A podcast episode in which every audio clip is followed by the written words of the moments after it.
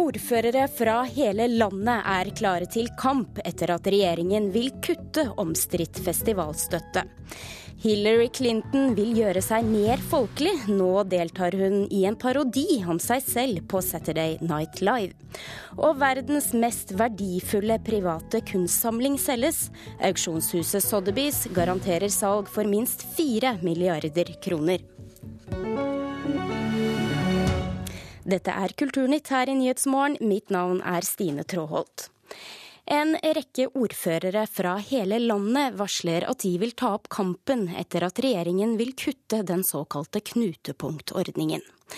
I mange år har 16 utvalgte festivaler mottatt 100 millioner kroner i direkte støtte via statsbudsjettet. Men som NRK erfarer, vil nesten alle festivalene miste denne støtten. Onsdag legger eh, statsbudsjettet frem for 2016, og i Elverum føler Høyre-ordfører Erik Hansa seg glemt av sin egen regjering. Nei, Det jeg syns eh, er eh, litt rart, det er at eh, Jan Tore Sanner var jo her og åpna Festspillene i høst. Da var det tre store festivaler som ble nevnt. Det var Bergen, det var i Harstad, altså Nord-Norge, og det var i Elverum. Så her har jeg en følelse av at noe er glemt, og det er, det er Elverum. For Elverum-ordfører Erik Hanstad var det ingen god nyhet at regjeringen nå vil kutte den såkalte knutepunktordningen.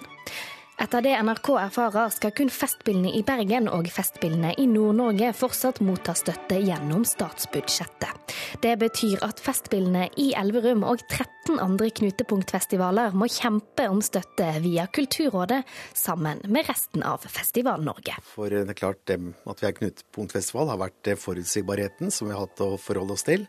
Den mye omstridte knutepunktordningen har siden 1995 hvert år bevilget 100 millioner kroner til en rekke rekke utvalgte festivaler som skal være ledende innen sitt felt. Enten det er kortfilm, kirkemusikk eller populærmusikk. Ordningen har vært sterkt kritisert for å favoritisere enkelte festivaler, men samtidig hyllet for å legge til rette for en nødvendig forutsigbarhet for de utvalgte festivalene. For oss er det viktig at vi fortsatt har knutepunktstatus, og det vil vi, vil vi, jobbe for. NRK har snakket med alle de politiske lederne på stedene som kan miste knutepunktinstitusjonene. Et klart flertall sier de reagerer svært negativt på regjeringens forslag, og vil jobbe for å forhindre at festivalene kan miste den forutsigbarheten støtten gir dem, bl.a. ved å bruke alle sine kontakter på Stortinget. Det er en svært dårlig nyhet for Trondheim og Trøndelag. Rita Ottervik er ordfører i Trondheim for Arbeiderpartiet. Hun forteller at de nå står klare for å kjempe for Olavsfestdagene.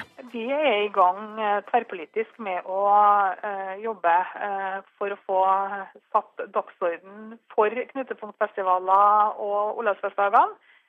Vi ser ut til å samle veldig bred politisk støtte i Trondheim. Flere av knutepunktfestivalene er lagt til mindre kommuner. Og i Nord-Fron kommune i Oppland frykter de at en manglende finansiering av Per Gynt-stevnet vil ha store konsekvenser for området. Det er anslått at en uke med festival gir det lokale næringslivet en omsetning på rundt 100 millioner kroner. Men ikke alle er negative til regjeringens forslag. I Oslo avholdes tre av de nåværende knutepunktfestivalene. Velkommen til Øyafestivalen 2015. Blant dem er Øyafestivalen. Likevel er byrådsleder for Høyre, Stian Berger Røsland, svært glad for at knutepunktordningen nå forsvinner. Jeg syns uh, knutepunktfestivalordningen har vært uh, en av de snodigste støtteordningene på statsbudsjettet, og det sier ikke rent lite. Byrådslederen mener støtten bør bestemmes av fagfolk og ikke av politikere. Han tror samtidig at kommunene selv kan sikre festivalene forutsigbarhet på andre måter. Men også slik at kommunene, som Oslo kommune, kan bidra med forutsigbarhet, f.eks. For å gi eh, tillatelser til, eh, til, bruk av arealer, gi skjenkebevillinger og den type tillatelser for en lengre periode enn ett år. Det bidrar også til forutsigbarhet for festivalarrangørene. Reportere her var Torunn Myhre, Jarl Nymo og Marie Røsland.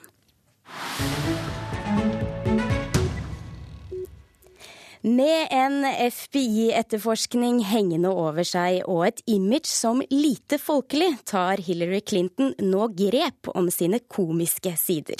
I helgen så dukket hun opp i en sketsj under sesongpremieren på Saturday Night Live. Mens komikeren Kate McKinnon, som ofte parodierer Clinton på showet, spilte nettopp Clinton, spilte den ekte Hillary rollen som bartenderen Val. Hør på dette. Oh, Val, I'm just so darn bummed. All anyone wants to talk about is Donald Trump. Donald Trump? Isn't he the one that's like, uh, you're all losers?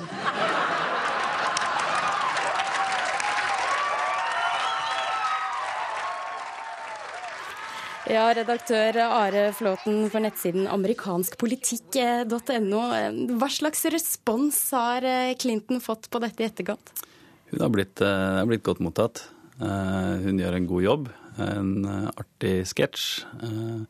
så hun leverer varene. Og det er jo nyttig for Clinton, som, som du nevner i introen, så har hun en e-postskandale som, som, ruller og går.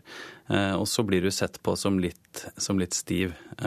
så sånn sett så prøver hun da å gjøre seg litt mer litt mer folkelig eh, og spille på litt eh, selvironi. Ja, for Hva er det politiske bakteppet her som gjør nå at eh, Clinton går med på en sånn parodi på seg selv? Hun leder på de, på de fleste meningsmålingene eh, og er eh, soleklar favoritt til å vinne nominasjonen. Eh, men så har vi nevnte e-postskandalen, og så har vi en mann som heter Bernie Sanders, som plutselig leder i, i New Hampshire. Og så snakkes det stadig mer om visepresident Joe Biden, om han muligens skal stille som presidentkandidat.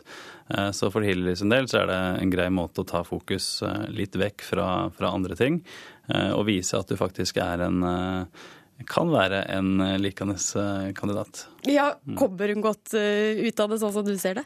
Ja, vi hørte jo parodien av Donald Trump, så det, den funka jo. Og så får på en måte fremhevet noen av sine politiske saker i, i den sketsjen som vi ikke hørte her, men bl.a. at hun nå er imot denne Keystone-rørledningen, og at hun støtter likekjønnet ekteskap. Ja, for det tar hun opp og tuller med. Men det hun derimot ikke tuller med, det er jo e-postskandalen. Nesten åpenbart at kanskje hun burde gjort, eller hva tror du? Ja, kanskje. Hun har tidligere tulla med det. Når hun lanserte sin Snapchat-konto, så sa hun at der slettes meldingene automatisk. Eh, og da fikk hun litt kritikk fordi at hun ikke tok saken eh, seriøst. Eh, og etter det så har hun unnskyldt det som har skjedd da i denne e-postsaken. Så jeg tror kanskje det er lurt å ikke vitse for mye med det. Men så sier det jo samtidig da at det viser jo da at når Hillary blir med på det her, så har hun på en måte akseptert sketsjen på forhånd. Hun vet hva som kommer, og da er e-posten ikke med, og det kan vi jo lese det vi vil i det. Mm. Hvilken tradisjon har amerikanske politikere for å være med på show av denne typen? Det har blitt ganske vanlig etter hvert. Uh, Gerald Ford var den første sittende presidenten som var med. Uh, etter den tid så har vi også hatt uh, George H.W. Bush som var med. I begge tilfellene så var det da artige karikaturer av de på showet. Eh, så da gjorde de klokt i å vise at de ikke tok seg selv så høytidelig. Og Hillary Clinton var også med i 2008. Eh, da var det en annen person som eh, parodierte henne, men Obama har også vært med tidligere. Så det har blitt en naturlig del av amerikansk presidentvalgkamp etter hvert. Kan det være negativt på noen måte? For Sarah Palin sin del så funka det ikke helt, fordi da kom hun litt seint inn, og da hadde karikaturen av henne bitt seg fast. Det var Tina Fey som, eh, som sa mange, mange, merkelige ting som i Sarah Palin-karakteren, så folk etter hvert trodde det var Palin som hadde sagt det selv. Eh, og da, det gikk utover Palin, den karikaturen som ble skapt da, på Saturday Night Live. Avslutningsvis nå så skal vi høre en litt lite utdrag til. Her slår Clinton seg løs som sanger. Har hun et komisk talent, syns du? Ja, det får folk høre på, så si, tenke det du vil. Mm. La oss gjøre det. Mm. But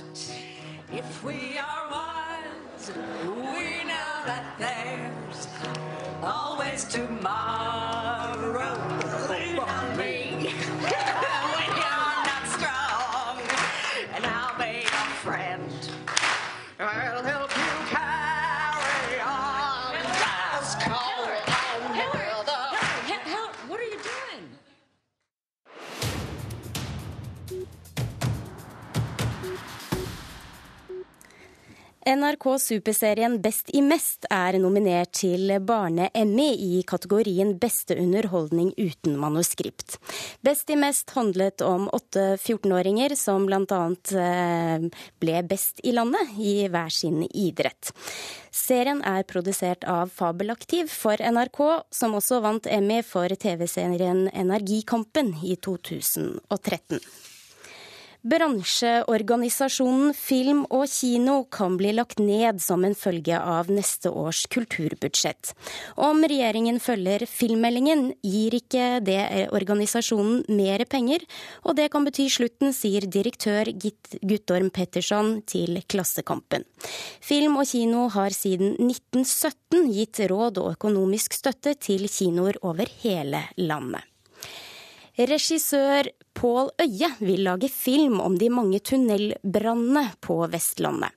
På 2000-tallet er det rapportert om 125 tunnelbranner på Vestlandet, og Øye, som har laget katastrofefilmen 'Bølgen', sier til Bergens Tidende at han mener dette er godt råstoff til en ny katastrofefilm.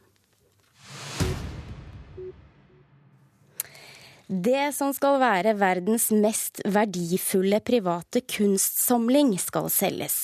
Samlingen tilhører auksjonshuset Sotheby's tidligere eier Alfred Tobin.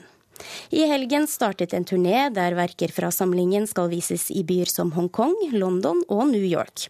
Og fra november så skal bildene selges på flere delauksjoner. Og auksjonshuset selv garanterer for salg på mer enn fire milliarder kroner.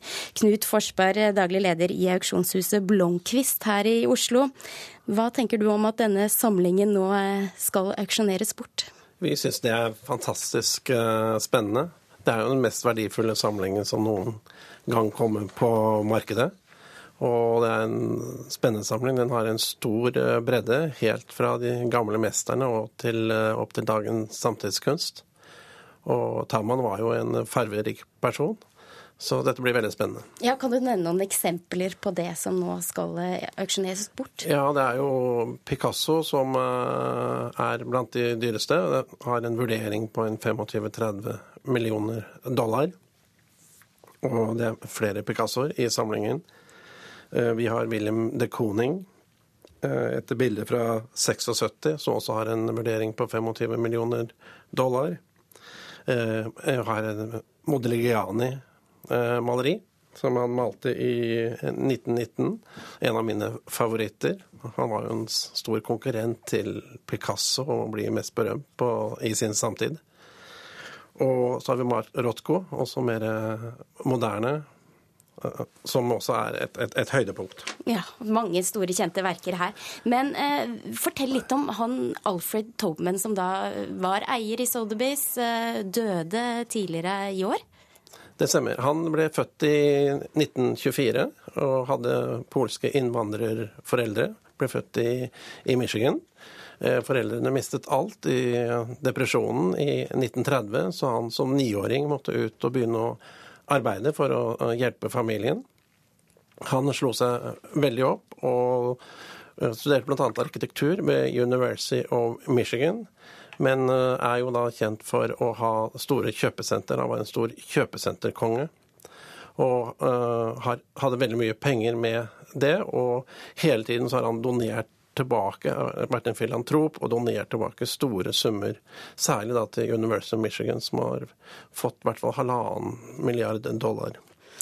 Og han var likevel en, en ganske anonym eh, figur. Eh, kan det henge sammen med en fengselsskandale? Det må du sette oss inn i. Ja, han kjøpte jo Sotheby's i 1983. Eh, fordi de hadde store problemer da og holdt på å bli kjøpt av av noen som Sotheby's ikke likte, som kom inn som en reddende engel og ble styreformann. Og løftet Sotheby's og egentlig hele moderne auksjonsverden. Han ekspanderte de internasjonalt. Han øh, høynet det som et luksusmerke og tok øh, samlerne, kunstsamlerne Han syntes at det var intellektuelle mennesker og interessante mennesker, og ikke minst med mye penger. Han løftet hele katalogproduksjoner. Han innførte da disse garantiene. Han, uh, forsikring og utdannelse. Men hvorfor havnet han i fengsel? Jo, så kommer da den store skandalen på helt slutten av 1990-tallet, starten av 2000-tallet, hvor uh, Sotheby's og deres store konkurrent Christies hadde inngått prissamarbeidet. Og det gjør man jo ikke ustraffet. Så han måtte i fengsel på det. Så fikk en dom på ett år og én dag, og han var den eneste som måtte sone. Kristi, som egentlig da la alle kortene på bordet og avslørte skandalen, slapp unna. Så etter det så trakk han seg litt tilbake, og i 2005 så trakk familien seg litt ut av Sotheby's. Avslutningsvis, Forsberg. Sotheby's garanterer her med en salgssum på minst 500 millioner dollar. Eh, er det en risk? Hvis det er en fornuftig vurdering på disse bildene, så er det ingen risiko i, i dagens marked. Skal det skje mye ting, så er det klart det er mye penger som Sotheby's skal ut med, uansett resultat. Og auksjonen den går av stabelen nå i november. Takk skal du ha, Knut Forsberg, for at du kom til Kulturnytt. Du hører på Kulturnytt, og klokken er snart ti på halv ni, og dette er hovedsakene denne morgenen. Telenor vil selge seg helt ut av det russiske mobilselskapet VimpelCom. 135 000 nordmenn går med selvmordstanker fordi de blir mobbet på jobben. Offentlige etater skal raskere sjekke om utenlandske pass og ID-papirer er ekte.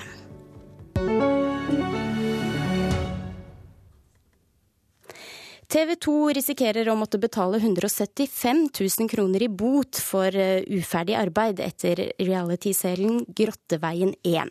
I serien pusser ufaglærte kjærestepar opp leiligheter som skal selges, men to år etter at serien ble spilt inn, er leilighetene fortsatt ikke ferdigstilt på en tilfredsstillende måte. Det skriver Dagens Næringsliv.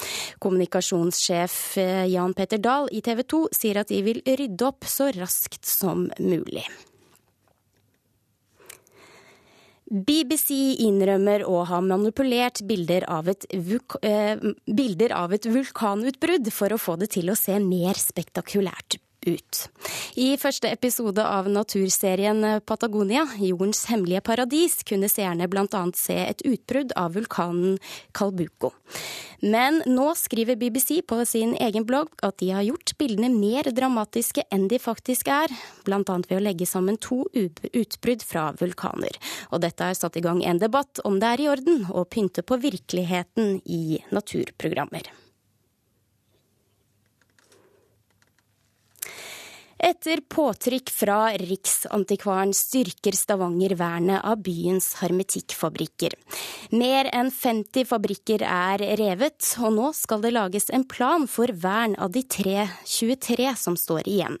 Samtidig åpner en ny utstilling som forteller om en av de viktigste pionerene innen norsk hermetikkhistorie. Her bruker vi disse gamle eksportkassene fra industrien. Og så lager vi ei tidslinje over livet hans. Museumsvert ved Hermetikkmuseet i Stavanger, Erik Rønning Bergsagel, snakker om Angus Watson. En brite som snudde hermetikkindustrien i Stavanger og Norge på hodet på begynnelsen av 1900-tallet. Vi hadde klart å selge i ja, greie mengder, og det var en fire-fem fabrikker i Stavanger rundt århundreskiftet. Men når Watson kom inn fra 1906 og opp mot første verdenskrig, da går salget fra eh, et par tusen tonn i året og opp til 1915 med eh, over 50 000 tonn i året. Men det er òg rekorden, den er ikke slått etterpå. Men det er ikke bare historiene som bør tas vare på. Også de fysiske kulturminnene, altså bygningene, må vernes, mener Riksantikvaren, som har bedt Stavanger om å stanse rivingen av fabrikker, fordi byen har et nasjonalt ansvar som såkalt hermetikkhovedstad i Norge. Stavanger er i dag sardinbyen, og som en skog står fabrikkpipene innover og forteller om tiltak og framsyn. På 20-tallet var det nærmere 70 hermetikkfabrikker i Stavanger, men 52 er blitt revet. Og i forrige uke fikk byantikvar Hanne Winsholt klarsignal fra byens politikere til å lage en plan for vern av fabrikkene som er igjen. Vi legger noen føringer for fremtidig bruk av eh, bygningene. og Det vil jo også si at de som nå eier de, må belage seg på å bruke de som de står, eller transformere de, men i alle fall ikke rive de det gir identitet til et helt uh, byområde. Og Det at vi får denne planen nå, det er utrolig viktig. Sier Erik Rønning Bergsagel ved Norsk Hermetikkmuseum, en av fabrikkbygningene som er bevart. Her er det full fyr, nå skal jeg hive på litt. Og her skal det ikke bare røykes brisling framover, nå skal historien om Angus Watson altså fram i lyset. Han uh, hadde lært seg markedsføring med å selge Sunlight-såpe i USA. Brukte reklame veldig aktivt. Han var en av de første som virkelig forsto uh, verdien i reklame. Altså. Watson kjøpte opp sardiner i Stavanger og eksporterte fisken til firmaet sitt i England. Under varemerket Skippers ble norsk brisling solgt på verdensmarkedet merket med den etter hvert berømte etiketten av en gammel skipper med sydvest og pipe. Men det han etter hvert gjorde, var at han begynte å kjøpe aksjer. Angus Watson i Stavanger har byen næret en slange ved sin berm. Stavanger Aftenblad beskrev Watson som en fiende, en utlending som kom og tok kontroll over norsk industri. Og det var ikke bare i Norge at han var omstridt. Den franske industrien var i litt problemer tidlig på 1900-tallet. Og da gikk de til et merkevaresøksmål. Og da var det rett og slett sardinnavnet som franskmennene mente at de hadde rettighetene på. Vi brukte en annen fisk, vi brukte en annen produksjonsmetode, og dermed kunne ikke vi kalle det det. Rettssakene pågikk i fire år, og Watson tapte. Men den geskjeftige briten snudde det til sin fordel. Han sa at de rettssakene der de kosta 50 000 pund den gang, i 1914. Det er ganske mye penger. Men eh, det var de beste 50 000 pundene noen gang hadde brukt for at salget økte så voldsomt. Stavangers industrihistorie bærer preg av tydelige epoker. Nå er oljeepoken over i en ny fase. Ledigheten i Sør-Rogaland skyter i været, og byen jakter etter nye bein å stå på. Her er det noe å lære av en type som Angus Watson, mener Rønning Bergshager. Blant annet det å stå på og ha tro på seg sjøl. Stå på det en tror på. Men òg så må en akseptere hjelp noen ganger, for en er ikke god på alt. Reporter her var Anette Johansen Espeland. Lenge har den svenske kunstneren Hilma av Klint vært ukjent for de fleste, men nå, 70 år etter sin død, tar hun Europa med storm. Én million mennesker har sett utstillingen Hilma av Klint abstraksjonspioner, som nå har funnet veien til Henny Jonstad kunstsenter her utenfor Oslo. Mona Palle Bjerke, hvorfor lar eh, så mange seg fascinere av kunsten hennes nå? Hun treffer nok en nerve i tiden. altså Det som er spesielt med Hilma Klint, er jo at hun hevdet å være et medium, og at hun mente at det var ikke hun som skapte bildene sine, men at de ble skapt gjennom henne, og at det var synliggjøring av oversanselige, esoteriske erfaringer. Og dette er jo, selv om vi i dag ser at folk melder seg ut av statskirken, og at den klassiske religionen taper terreng, så er jo dette noe som appellerer i dag med masse, alle disse nyreligiøse strømningene og den spirituelle søken. Vi er opptatt av mindfulness og meditasjon osv. Og, så og dette er da noe som vi, ja, som vi trekkes mot i dag, åpenbart. Hun maler abstrakt abstrakte bilder. Eh, men hvordan ser de ut? Ja, altså de er, Det er abstrakte bilder eh, som er store, mange av dem. Og med da et, en del halvfigurative eller eh, stiliserte figur, figurelementer. Som det er spiraler, det er noe som ligner på sneglehus. Det er også stiliserte blomster. Liljen og rosen går igjen. Og det er også due og svane. Men veldig mye også bare rene geometriske elementer.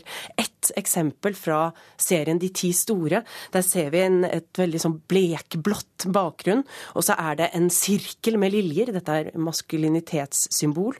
Og sirkel av blekrosa roser. Og også tei, eh, bokstaven W og bokstaven U, da, som henholdsvis eh, representerer det materielle og den spirituelle virkelighet. Altså deler hun en skjebne som så mange andre store kunstnere, at først etter deres død så blir man virkelig anerkjent. Hvorfor er det slik i dette tilfellet? Nei, Det er jo ikke så rart i dette tilfellet, fordi hun rett og slett holdt helt bevisst sine arbeider skjult for samtiden. Hun mente at tiden ikke var moden for disse sterkt spirituelle arbeidene. Eh, og hun skrev også i sitt testament at det skulle gå 20 år minst etter hennes eh, død før de skulle vises. Men det gikk jo mye lengre tid eh, enn det. Og hva var grunnen til at det da skjedde? Ja, Først så prøvde man jo seg på 60-tallet med å vise det da når det var lov ut fra testamentet, men da var ikke tiden moden. Og så har man da senere vist arbeidene, og nå særlig da fra denne utstillingen startet sin vandring gjennom Europa. Fra I 2013 så har jo dette virkelig eh, møtt, blitt møtt med en veldig stor interesse. Mange har ment at kunsthistorien nå må skrives om. Er du enig i det? Altså, Kunsthistorien revideres jo hele tiden, og det er klart at vi må ha Hilma Klint på plass i kunsthistorien. Eh, man sier jo det fordi at det viser seg at hun er den første, helt faktisk, som skapte et abstrakt maleri. Eh, men jeg tenker jo at vi må jo fremdeles holde fast på at det var Kandinsky, Mondrian og Klee som skapte denne revolusjonen i samtiden i maleriet, fordi de da viste sine bilder i samtiden. Så det at hun holdt det skjult, gjorde at hun fikk jo ikke den virkningshistorien, men fremdeles er hun den første som skapte et abstrakt maleri, og det må vi jo selvfølgelig eh, få inn i kunsthistorien. Noen vil jo innvende at dette er kanskje ikke abstraksjoner i en modernistisk forstand, fordi det er ikke det formfokuserende her. Dette er jo representasjoner av en skjult virkelighet, og slik sett noe ganske annet, da. Denne utstillingen er da sett av en million mennesker. Den har turnert eh, rundt i Europa og er nå i Oslo. Er det en bra utstilling? Jeg syns det er en veldig sterk utstilling. Det er en formglede og farge, en fargerikdom i denne utstillingen som man på en måte bare må oppleve. Det, er, det finner en veldig resonans, eh, disse bildene. Det er egentlig pensum, dette, så man må komme seg ut dit. Takk skal du ha, Mona Palle Bjerke, kunstanmelder her i NRK. I denne sendingen så har du hørt at en rekke ordførere fra hele landet varsler at de vil ta opp kampen etter at regjeringen vil kutte den såkalte knutepunktordningen. Flere av festivalene holder på eh, til mindre kommuner, har, har stor, mener det har stor betydning for det lokale kulturlivet og næringslivet. Ansvarlig for denne sendingen var Thomas Olverstein Ove. Nå får du snart eh, Dagsnytt her i Nyhetsmorgen.